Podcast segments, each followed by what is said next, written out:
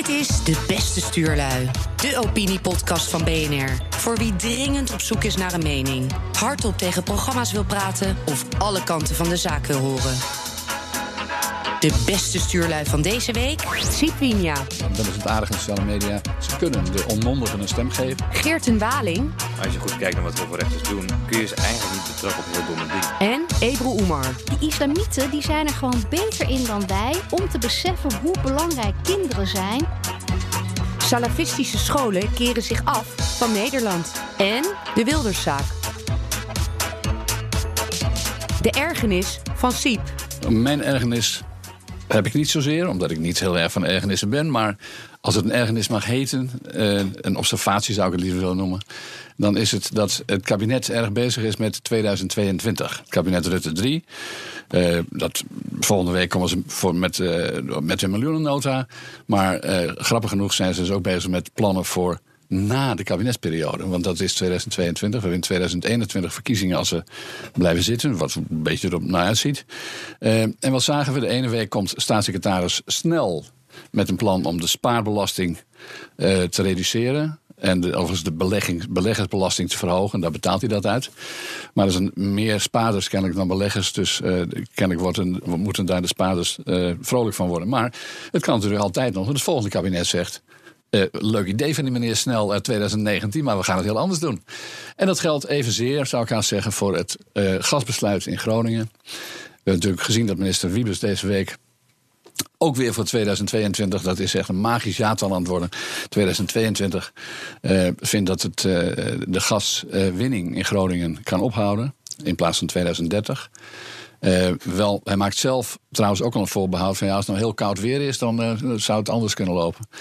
Maar we kunnen natuurlijk andere voorbehouden bij maken. Want het kan zijn dat het kabinet Rutte 86 of het kabinet eh, wie dan ook eh, een heel ander idee heeft over de gaswinning. Om welke goede of slechte reden dan ook. In ieder geval, de heren, in dit geval heren, regeren over hun graf heen. En dat dient men met wantrouwen te bejegenen. En daarover zei eh, Thomas Jefferson ooit: eh, The dead should not govern the living. Hè? Dus dat is eh, de basis van de Amerikaanse grondwet. Dat er toch wel ruimte blijft dat je zelf inderdaad je eigen beleid kan maken. In plaats van dat je de hele tijd. Dat is bijna de basis van democratie, zou ik zeggen. Ja, precies, inderdaad. Nou, je hebt helemaal gelijk wat dat betreft. Ander punt is dat je bij dit gasbeleid ook kunt denken... geef gewoon het grootste deel van de gasbaat aan de Groningers... en vraag of ze er nog steeds willen dat de gaskraan dichtdraait. Eh, ja, en, een- daar kan ik nog een aanvulling op plegen. Ik sprak deze week iemand die zijn, wie een moeder, wiens moeder in het Groningse Haren woont. En die maakt zich ernstig, ernstig zorgen voor de huizenprijs. Want als binnenkort de gasunie en gasterren opgeheven zijn... dan is er geen gasbusiness meer in Groningen. En dan praten de Groningers, zelfs de belaagde Groningers, wellicht anders. De ergernis van Geerten. Mijn ergernis van deze week is eh, de Netflixificering van de politiek. Namelijk eh, wat al een tijdje genoemd werd. Wat nu echt gaat gebeuren bij Prinsjesdag... krijgen we een designated survivor. Weet wel wie het is? Ja, ik heb het net gezien. Het is eh het tromgeroffel. eh Stef Blok. Ja. Minister Blok mag namelijk als enige dus niet bij de Prinsjesdagceremonie zijn. Omdat, stel dat er nou een grote bom afgaat eh, in de ridderzaal... dat er dan toch nog één iemand van het kabinet is om dit land te redden. En dat is zo ontzettend grotesk. Niet alleen is het uitermate... eh, onrealistisch en heel Amerikaans. Het is iets van de Koude Oorlog, hè, dat er een, als een atoombom zou vallen... dus dan moet je één minister in een schuilkelder hebben. Nou oké, is daar een beetje een traditie geworden. Maar omdat die serie zo populair was, onder andere in de D66-fractie eh Purelen... en ik geloof dat Joost Sneller daar eh, erg fan van was... en die dacht, dat gaan we in Nederland ook doen, wat leuk. Een designated survivor. Dus eh, de, dat gaat, gaat meneer Blok nu doen. Maar het grap is natuurlijk dat Nederland helemaal niet hetzelfde werkt als Amerika. Het is sowieso zeer onrealistisch dat er zoiets zou gebeuren. Hè, dat alle leden van het kabinet opeens eh, eh, eh, niet meer zouden zijn. En de voorzitters van de twee kamers. Uh, maar dan heb je vervolgens nog in Nederland een enorme rechtsstaat. We hebben een Europese Unie uh, die over ons waakt voor een deel. We hebben uh, allerlei verschillende instituties die dat zouden kunnen overnemen. En het lijkt mij uh, vooral iets van een uh, heel klein aandachtspuntje... Wat, uh, waar D66 wel weer even de aandacht mee heeft gekregen. Maar ik zou vooral zeggen, ga nou eens eventjes nadenken... over wat voor kroonjuwelen je nou nog over hebt in je mandje... die niet allemaal al tijdens het kabinet Rutte 3 overboord gegooid hebben. zou Ja, je zou bijna kunnen denken dat een of andere terroristische organisatie dusdanig infiltreert in de Nederlandse uh, politiek dat ze hun Stef Blok op hun loonlijst hebben staan. Die wordt de designated survival. Zoals in de serie ook het Zo- geval was. Ja. Nou, kijk, dus dat op die manier. Nou ja, Ik heb een hele andere geloofwaardige, nog geloofwaardige variant. echt waar. En die luidt dat het, eh, dit D66-ideetje in het kabinet is voorgelegd. En toen hebben ze besloten om het te gaan doen. Nadat Stef Blok zich als vrijwilliger had gemeld. Neem mij. Ja, ik, Ik, ik, ik wil er moet- niet bij zitten. Exact. Ik moet er wel aan toevoegen dat dezelfde Joost Sneller wel iets goeds heeft gedaan afgelopen week. Want die heeft eh, Rob Jetten ertoe aangezet om eh, dat pleidooi te houden voor 15 miljoen euro extra naar de ondersteuning van Kamerleden. En dat draagt wel mijn warme goedkeuring. Dus even de nuance ook aangebracht. De ergernis van Ebro. Nou, ik probeer ehm, eh, het kalm te brengen waarover ik mij heel erg heb opgewonden de afgelopen week. Maar eigenlijk ging ik door het plafond toen ik las dat Kamerleden geschokt waren. Toen ze erachter kwamen dat op, dat, ehm, op islamitische scholen salafistische invloeden zijn. En dat er ehm, les wordt gegeven aan die kindertjes. En dat die kinderbreinen helemaal eh, bedorven worden en geïnfiltreerd worden met eh, teksten als dat wij in Nederland allemaal slecht zijn, dood moeten ongelovigen zijn, eh, onthoofdingen, weet ik veel wat. Dat, dat er salafisme gepredikt wordt op islamitische Dat scholen. is toch niet echt waar? Dat gelooft toch niemand? Oh nee, dat gelooft niemand. Dus daarom is iedereen heel erg geschokt. En ze zijn altijd geschokt wat zich afspeelt op de islamitische scholen. Ze zijn altijd geschokt over van alles in de samenleving. Denken van dit zijn de mensen die dit land moeten besturen. En ze zijn echt om het uur geschokt. Ik denk dat ze permanent aan de beademing liggen. Of dat ze hun eigen artsen hebben die ze elke keer weer moeten kalmeren. Want die staat van geschoktheid waarin zij zich steeds bevinden. Ik word daar een beetje droevig van. Ik zou het zo fijn vinden als ze een keer zouden zeggen... Eigenlijk wisten we dit al. Dit is aan onze aandacht ontsnapt. En ehm, Sorry. Of we wilden het niet weten misschien. we wilden het niet weten. Bedankt voor het openen van onze ogen. We moeten hier maatregelen tegen treffen. En niet we moeten, we gaan het doen ook. Per direct sluiten we alle scholen waar dit onderzoek heeft plaatsgevonden. Weg ermee. Wat ik ook interessant vind in deze, is dat je vaak bij dit soort dingen ziet, er zijn politici geschokt en dan gaat de Tweede Kamer gaat dan Kamervragen stellen. Oké, dat kan nog. Hè. Dan wil je, wil je gewoon een antwoord van de minister hebben. Maar je hebt tegenwoordig ook ministers die dan zelf zeggen: Ik ben geschokt, ik wil een onderzoek naar hoe dit kan. Dan denk ik, ja, hallo. Je bent een minister, je zou ja. moeten weten hoe het kan en je zou, zou op de hoogte moeten zijn. En je zou moeten weten wat, wat er fout gegaan is. Maar niet ga je zelf nog eens een keer onderzoeken wat er fout is. Ja, maar, we hebben dus- onderzoek hebben- is het afschuiven van verantwoordelijkheid. Dan hebben ze het niet zelf gedaan. En de- onderzoek is een, een rechtvaardiging. Dat weten ze in het bedrijfsleven. Laat onderzoek doen. En dan is het niet je idee, maar dan is het een soort van onafhankelijk geweest. En En dan duurt het een tijdje wat dat er is. Maar we hebben dus, een, eh, n- nou nu blijkt, een klasse van geschokten en een klasse van ongeschokten. Hè, Dus ik ik zou misschien met enig voorbehoud kunnen zeggen dat er mensen zijn in Nederland, de meeste, dan zou ik veronderstel ik, die nooit zeggen dat ze geschokt zijn. want die wisten het al. Het gebeurde in hun achtertuin. precies, en dat er een kleine een klasse is, de, op de bovenklasse, En degene die ervoor betaald worden om het wel te weten, die die zijn altijd geschokt. zijn altijd geschokt. Dat zijn dus de enigen die hun ogen Nou, niet open hielden dan, neem ik Ja, aan. dat is Dus mijn er- Er is conclusie. nog een extra klasse in deze. Misschien dat we toch aan het bouwen zijn aan ons nieuwe samenlevingsmodel. Ehm, de klasse van de nooit geschokten. Namelijk de mensen die dit weten, of die het misschien niet weten, maar ook gewoon de schouders ophalen en zeggen: Ja, maar dat is toch vrijheid van religie, dat is vrijheid van vereniging, vrijheid van meningsuiting. En ach ja, dat is allemaal niet zo erg. We hebben toch ook Staphorst en SGP. En, hè, Ja, en, en dat noem ik het Jan Mulder argument. Jan, Mulder die zat jarenlang eh, ook eh, in andere programma's dan voetbalprogramma's. was ook heel vaak geschokt. En die was, nou ja, die was ongetwijfeld ook geschokt, maar die loste veel van dit probleem op door te zeggen: ja, maar op de Veluwe. En, eh, want daar, daar, is dan, daar, dan wordt om SGP gestemd, of eh, de ChristenUnie of anderszins, of heb je ook reformatorische ook? kerken. Eh, en dat noem ik graag het, de indruk wekken dat je met het suggereren van een ander probleem een probleem oplost, zeg maar. Ja. In dit geval is het echt suggereren van problemen. Er is natuurlijk alles wat zich op de Veluwe afspeelt, heeft werkelijk helemaal niets met terrorisme te doen. Althans, Daarom. niet met reformatorisch terrorisme. Ja, het is wat ze noemen het whataboutism. Hè? Van, eh ja, what about dit eh, probleem? Dat is er toch ook? Ja, dat is er ook. Dat moeten we ook oplossen. Of daar moeten we ook mee omzien. Ja, maar er zijn werkelijk mensen die denken dat je een probleem oplost door een ander probleem te bedden te ja, brengen. ja, dat is een enorme Als dat geen probleem is, is dit ook geen probleem. Dat zeggen ze dan. Maar dat, het is wel een probleem. Kwestie. De stuurlui op hun best. Wij maken ons eh, in toenemende mate zorgen over eh, de groei van het salafisme, met name binnen het onderwijs. De invloed van Saudi-Arabië in Nederland is, eh, is, degelijk, is degelijk aanwezig. Willen ze zichzelf isoleren? Willen ze, eh, willen ze de, de gemeenschap uit elkaar rukken? Ik vind dat echt haak staan op, op alle basisprincipes van de Nederlandse eh, rechtsstaat. Dat is omstreden, omdat daarmee een fundamentalistische variant van de islam, het salafisme, hier steeds meer voet aan de grond krijgt. Veel van die organisaties hebben ook scholen. Maar wat leren kinderen daar? Dat is het onderwerp van nieuw onderzoek van Nieuwsuur en NRC.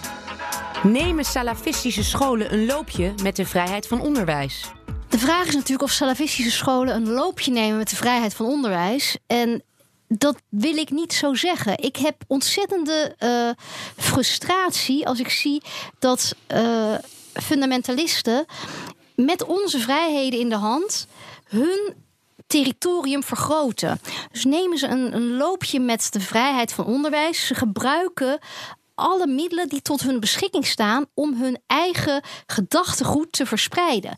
En binnen de islamitische wereld weten ze dat je kinderen, dat kinderen heel belangrijk, dat je die kinderbreintjes, op hoe jonger je die kindjes uh, infecteert met uh, terroristische gedachten, dat zie je ook in al die ISIS-kindertjes die al getraind worden. Um, dat is je kapitaal, dat is je toekomst van je land.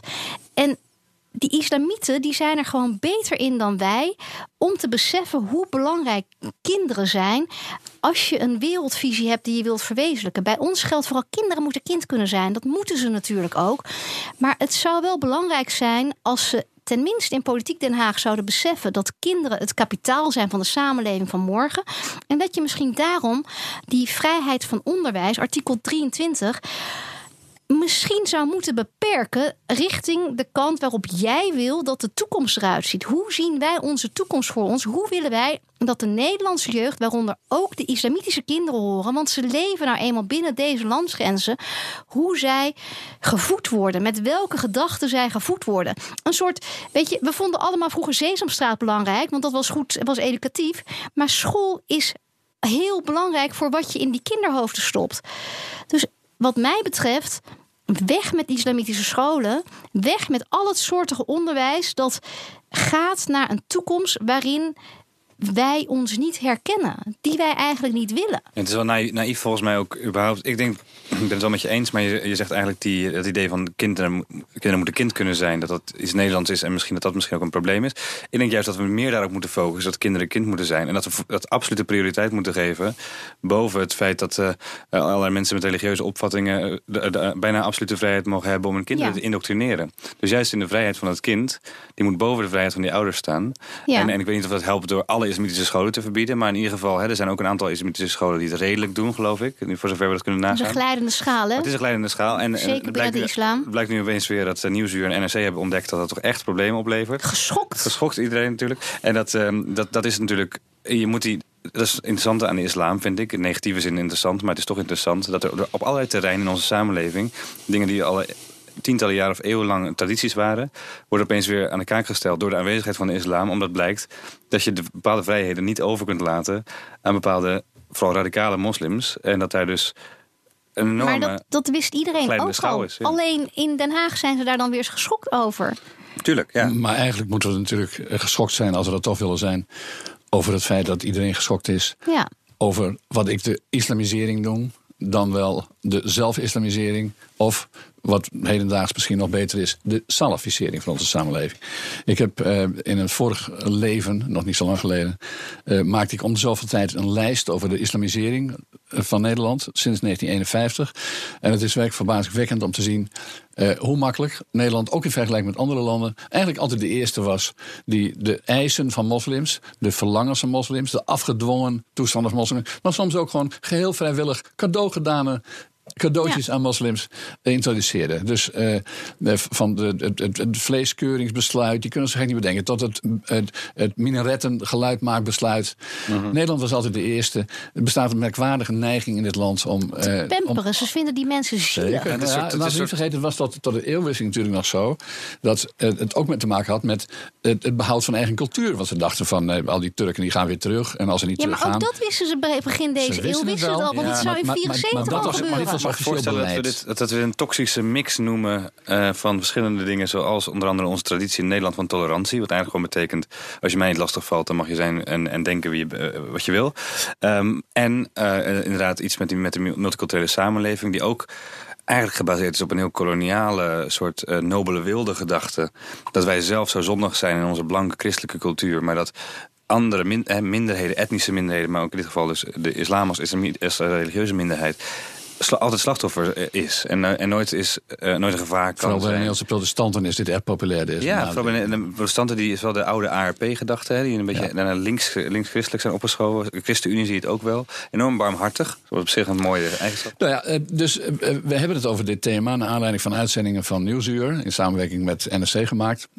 En die hebben gewoon gekeken wat krijgen kinderen... zoal in islamitische kring uh, toegedicht. Uh, in, zowel in het weekend als door de week. je hebt twee soorten scholen in dit geval. Je hebt de reguliere basisscholen die betaald worden door de overheid.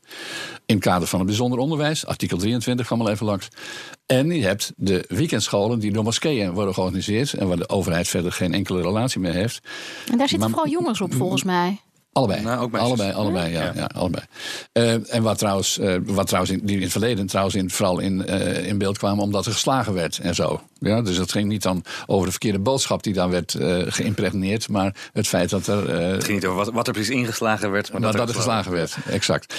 Nou, kijk, en, en het, ik volg nu maar even gemakshalve de indeling die NRC en Nieuwsweer ook volgen in de benadering.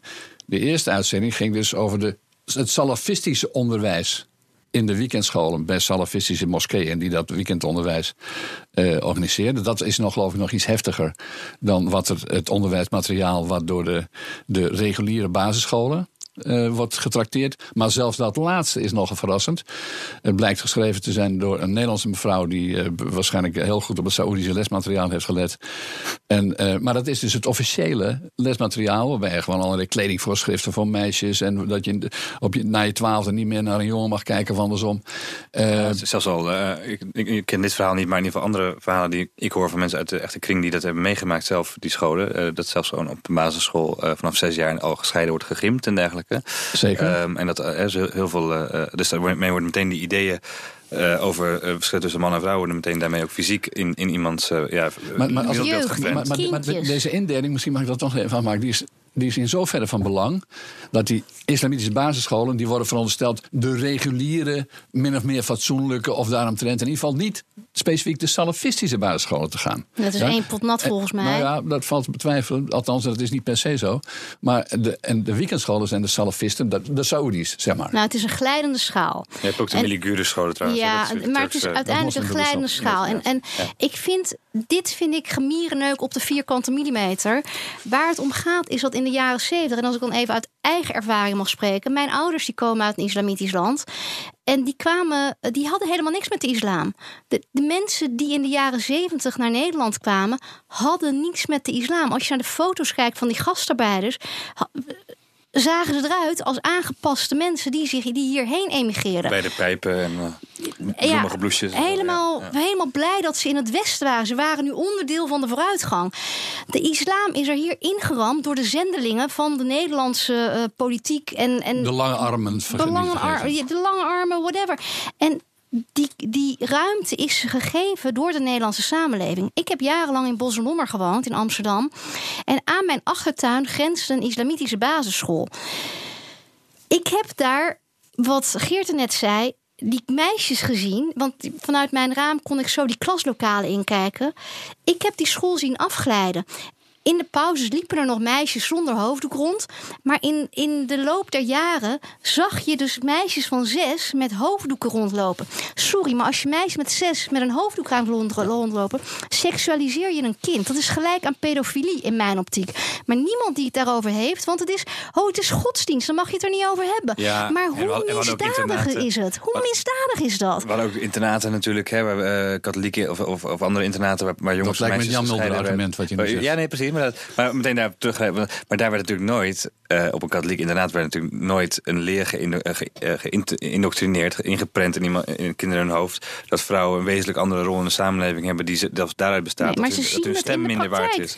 Maar ik denk dat die, die lange arm uh, wat meer aandacht behoeft. We hebben diverse lange armen. Je hebt de lange arm van Marokko. Dat is de staatsislam, kun je zeggen. Uh, van Marcouche een beetje. Die, die kant moet je ruwweg aan denken. Hoewel Marcouche ook vriend was van de moslimbroederschap. Uh, dan heb je de lange arm van Turkije. Dat was een andere lange arm voordat Erdogan er was. Dus je had wel het directoraat-generaal van, mos- van, van, van religieuze zaken. Maar dat was toch een beetje nog gericht op, laten we zeggen, de, seculiere eh, benadering. Tot de eeuwwisseling. Erdogan, eh, die was van de moslimbroederschap, familie Guris. En die heeft gewoon Dat is een die- zendelingentoestand Die, is die het heeft dat Die je eh, net uiteraard laten fuseren met de moslimbroederschap afdeling, dus- dus familie Guris, die al had. En dan heb je, en dat is eh, de laatste decennia veel belangrijker geworden. Eh Saudi-Arabië, dus nauwelijks een Saudi die in Nederland woont, maar de invloed van Saudi-Arabië in andere golfstaten is huge. Hè. Dus er is, eh, en trouwens niet alleen in Nederland, ook zeker in de islamitische wereld. Dus de salafisering van de Soenitische islamitische wereld is giga. En het terrorisme, waar we het sinds de eeuwwisseling vooral mee te maken hebben, is ook daar volledig op terug te voeren. Ja, maar dan moet je dus als overheid, als Nederland, moet je dus als samenleving, moet je weten waar je heen wil. Je kunt dingen ook gewoon verbieden. Je kunt ook gewoon zeggen: in Nederland willen wij niet dat het die kant uitgaat. Tuurlijk, maar er is nog wel een verschil tussen eh, dat willen verbieden en het kunnen verbieden zonder dat je je eigen rechtsstatelijke principes volledig overboord gooit. En ik ben wel met jou eens dat we dat moeten eh, proberen te verbieden. Maar je kunt niet opeens zeggen, hè, zo'n vrijheid van vereniging en vrijheid van godsdienst en dergelijke zijn heel gevoelige onderwerpen voor heel veel verschillende gemeenschappen in Nederland. Je kunt, je kunt het gewoon En- niet en zomaar trouwens, als Dat kan even je wel, want je kunt best het- het- de discrimineren groot- daarin. Nee, ik wil heel eventjes hierop er inhaken. juridische basis voor vinden. Eh, Nee, ik vind best dat je als samenleving kunt zeggen. We mogen niet discrimineren. Maar we hebben in Nederland een bepaalde zienswijze. Die zien wij superieur aan, aan onze manier van leven. Die staat altijd voorop. En iedereen die hier tegen is, die discrimineren wij wel. Die geven we niet Ja. dezelfde recht. Ja, ja. Waarom? Dan moet je een keuze maken als overheid. en waarom hoeft- zou je dat niet doen? Dat hoeft niet zo moeilijk te zijn als sommige mensen beweren. Eh, Dat heb je de afgelopen dagen ook weer gezien. Dat het moeilijk, een rechtsstaat, dit, ja. Maar eh, zoals iedereen weet die een beetje verstand van deze materie heeft... is dat de rechtsstaat zich niet hoeft uit te leveren... aan mensen die de rechtsstaat willen opheffen. Nee, precies. En, En- dat en- vond ik en- mooi wat Dijkhoff zei in reactie op de, de eerste uitzending van uh, Nieuwsuur over. Die zat met uh, Gert-Jan Segers in de studio. En Dijkhoff had het, uh, gebruikt het woord wederkerigheid, wat hij volgens mij van Wopke Hoekstra gestolen heeft. Ja. Maar het idee van wederkerigheid in dit geval betekent dat je de vrijheid krijgt om zelf onderwijs in te vullen naar jouw religieuze uh, levensbeschouwing. Maar dat betekent ook dat je de wederkerigheid dat je niet uh, uh, kinderen indoctrineert met een leer die diezelfde vrijheid wil afschaffen. Ja. Of die anderen die vrijheid misgunt. Zeker. En die wederkerigheid, dat, daar, daar vind ik nu langzamerhand onder dit kabinet wordt daar in ieder geval meer over gepraat. CDA en VVD, verschillende personen zijn er echt mee bezig om wat te doen. Alleen je moet wel opboksen tegen een enorm justitieel apparaat, tegen de Raad van State, met een bepaald, tegen Europese uh, en andere internationale verdragen, waar allerlei mensenrechten staan vastgelegd. Het gaat niet zomaar over uh, in één nacht. Nee, maar helaas. Het- Maar we zijn al heel lang bezig om onze vrijheden af te schaffen. Ja, ja. Om Oh, zo. onze manier van leven af te schaffen. Zeker. En dat, dat gaat sluipenderwijs. En wat mij betreft gebeurt het wel in één nacht dat we daar een halt toe roepen. Nou, in ieder geval kun je zeggen dat de, de, de, de inburgering, de integratie van de islam in Nederland zeer succesvol is geweest. Zo succesvol dat het misschien een tijd is om daar nu een eind aan te maken. Het Wildersproces. De recht staat op zijn best of aan de rand van de afgrond. Ik ben geneigd te denken dat het Wildersproces toch een teken is dat de Nederlandse rechtsstaat ehm, vrij goed functioneert op zijn best. En dat klinkt heel raar, want ik heb grote bezwaren tegen het idee, en dan denk ik mijn twee buren hier in de studio ook, tegen het idee dat eh, Wilders eh, zou worden vervolgd, dat een politicus wordt vervolgd om, eh, om een uitspraak. Dat is heel gevoelig en heel sensitief. Maar je merkt toch eigenlijk op dit moment dat er zulke problemen naar boven komen en zulke fundamentele vragen worden gesteld over wat je precies mag doen als openbaar ministerie en verhouding en, uh, en als minister en am ambtenaren van het ministerie. Um, het is namelijk helemaal niet ongebruikelijk dat een uh, ambtenaar van het ministerie, zelfs misschien de minister, een bepaalde aanwijzingen geeft. Vroeger heette dat een bevel, geloof ik, maar tegenwoordig heet dat in deze egalitaire samenleving een aanwijzing, waarbij wordt overlegd van wat doet het ministerie, wat gaat het OM doen uh, om iemand te vervolgen als er vermoeden is dat er een strafbaar feit is gepleegd, een vermoeden van een strafbaar feit. Dat is het geval bij Wilders geweest. En natuurlijk zijn er ambtenaren die een bloedteken hebben aan Wilders en die denken, die horen de treinen naar het oosten alweer rijden als zij de uitspraak minder uh, Marokkanen horen, of die oproep van Wilders waar het over gaat. Dus dat zal ongetwijfeld. Dat was een vraag. Dat was een vraag, ja, oké, okay, maar ja, uh, de, als ik jou vraag, wil je dood of zo, dan kan het ook dingen betekenen afhankelijk van de context. Uh, of, je, hè, of je echt geïnteresseerd bent of dat ik in een donker steegje mes op je keel. Dat is toch een ander. De context is ook belangrijk bij zo'n vraag, zal ik maar zeggen. Um, en ik denk dat het dus wat dat betreft heel goed is dat het open, publiekelijk dit debat nu gevoerd wordt. Dat al die stukken naar boven komen. Ik hoop dat het ertoe leidt dat, die, dat het proces uh, uiteindelijk uh, gestaakt wordt. Uh, maar dan hebben we wel daarmee weer een nieuwe ervaring. En misschien zelfs ook wel een beetje jurisprudentie. in brede zin. Om in de toekomst dit soort dingen makkelijker aan te kunnen pakken. Dus het is ook een beetje een leerproces. Ik vind het alleen jammer dat Wilders daar. In alles ellende die hij al heeft vanwege zijn beveiliging, et cetera, dat hij daar dan het eh, onderwerp van is. Maar ik denk dat het goed is dat dit soort dingen af en toe aan- worden op, de op proef worden gesteld. Nou, ik vraag me af waarom het überhaupt strafbaar zou zijn dat Wilders minder eh, zo'n vraag stelt op een podium tijdens een verkiezingsdebat. Dat zou namelijk betekenen dat hij beperkt wordt in zijn vrijheid van meningsuiting. En hij wordt dan ook beperkt in zijn eh, eh, politieke uitspraken en in zijn ehm, eh, verkiezingscampagne. Dus het, de hele basis van iemand vervolgen. eh, is wat mij betreft al mis. Daar klopt het al niet.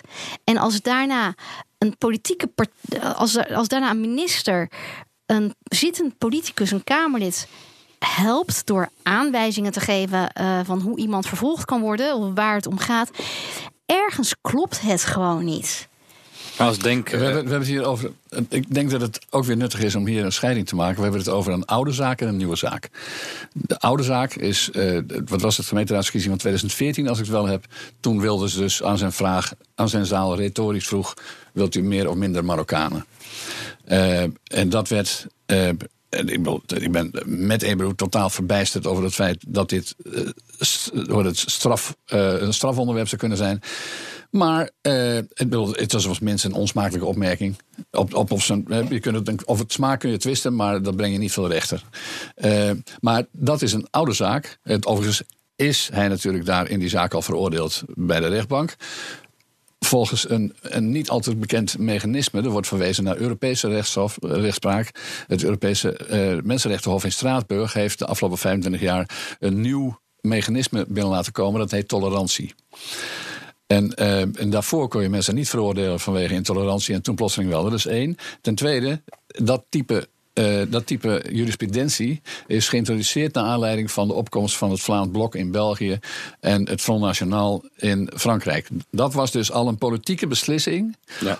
om deze nieuwe move te maken. Op grond daarvoor was het zo dat politici meer ruimte hadden qua vrijheid van meningsuiting dan gewone mensen. Sindsdien hebben politici eh, minder ruimte Nou, voor als je kijkt waar. Janmaat voor veroordeeld is, is dat niet helemaal waar. Nee, maar die hebben niet, toen hebben ze nog niet gehandeld volgens deze lijn. Dat is dus de afgelopen 25 jaar gaandeweg Ja. eh, toegetreden. Maar in ieder geval, hij zou, hij zou de multiculturele samenleving afschaffen... Als, dat, als hij aan de macht zou zijn en binnen zijn bereik zou liggen. We spreken over 1997 daaromtrent. Hij is nog tot na de eeuwwisseling in hoger beroep... is Jan Maat hier nog steeds wederom voor veroordeeld. En dan moet je weten dat in 2002... onder leiding van Jan-Peter Balken en de CDA... eh, alle politi- hebben gezegd... dat, ze, dat de multiculturele samenleving niks nastrevenswaarts is. Wat ongeveer hetzelfde is als wat Jan Maat zei. later Dus- iedereen dus de een, de is premier, waar de ander voor wordt veroordeeld. Dus die hypocrisie zat erin. Maar wat, ik nu, wat even essentieel is in dit verhaal... is dat Wilders 25 jaar geleden niet veroordeeld had kunnen worden... volgens het mechanisme dat politici minder vrijheid van meningsuiting hebben... eh, omdat ze toen nog meer vrijheid van meningsuiting hadden. De nieuwe zaak is die van de afgelopen weken, namelijk dat gebleken is... eh, dat het ministerie van Justitie, de minister eventueel, ambtenaren in ieder geval, zich met de procesgang hebben bemoeid. En er dus aangifte is gedaan door de advocaat van Wilders. eh, Exact. eh, tegen Ja. de advocaat En van da- daar verbaas ik me trouwens in zoverre over. De verbazing, geschokt, gechoqueerd zijn. Dat tien jaar geleden hadden we ook al een Wilders-proces. Het Fitna-proces, Wilders 1, zal ik maar zeggen. En toen was, niet overal in de pers, maar hier en daar is het gewoon zichtbaar geworden. Dat de toenmalige minister zich, hier is Berlin, en sinds Berlin, zich daar actief mee bemoeide. Zelfs adviseurs aanstelde, die dan ook in het openbaar weer zeiden. dat het maar beter was om Wilders niet te vervolgen. omdat het, dat je hem dan veel zetels cadeau Ja, zou maar het wordt Misschien moet ik even- erger. Eh, Misschien moet ik even toelichten, toelichten dat ik het helemaal niet met jullie oneens ben. Dat ik net zo eh, erg van het vrije woord ben, eh, denk ik, als jullie. Maar dat ik hier wel moet denken ook aan de, hoe je dat juridisch, zeg maar, eh, tot een soort in ons rechtssysteem incorporeert. En juist daardoor zijn deze zaken heel belangrijk. Bijvoorbeeld die heer Ballin, die heeft ervoor gezorgd dat een columnist in Nederland Ja, eh, opgepakt van zijn bed van zijn gelicht. In dezelfde fase was. Gregorius Nekschot. En twee ja. dagen werd vastgezet. En, en eh, eh, daar eh, eh, onder andere nou ja, allerlei persoonlijke eh, eh, schade van heeft opgelopen. En dat is eigenlijk. eh, er bleek zelfs een interdepartementale werkgroep cartoonproblematiek opgericht te zijn. Die nooit eh, officieel is bevestigd, maar waar iedereen het over had toen. Hè, tussen verschillende eh, ministeries. Om maar het probleem van de cartoons aan te pakken. Terwijl het echte probleem was natuurlijk de mensen die niet tegen die cartoons konden. Hè. Toen hadden we al die hypocrisie dat we daar niet over pr- praten. Ehm, en dat is dus wel iets wat heel vervelend is dat het gebeurt. En vreselijk voor zo iemand als die nekschot. Maar ehm, eh, uiteindelijk, als daar niet een veroordeling uit voortkomt...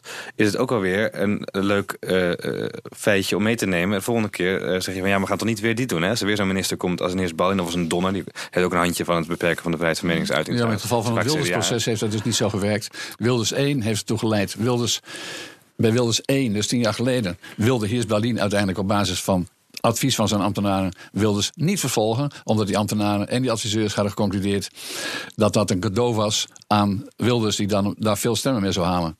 Dat gebeurde ook. Hij is uiteindelijk wel vervolgd door het, omdat het Hof daar anders over dacht. Is- Maar in ieder geval, eh, Wilders is uiteindelijk vrijgesproken bij die gelegenheid. Maar dat heeft het OM en het ministerie er niet van weerhouden om hem deze keer wel te vervolgen. Ik denk wat een belangrijk verschil is ten opzichte van de vorige keren, is dat sociale media eh, groter zijn geworden en dat alles veel transparanter is geworden.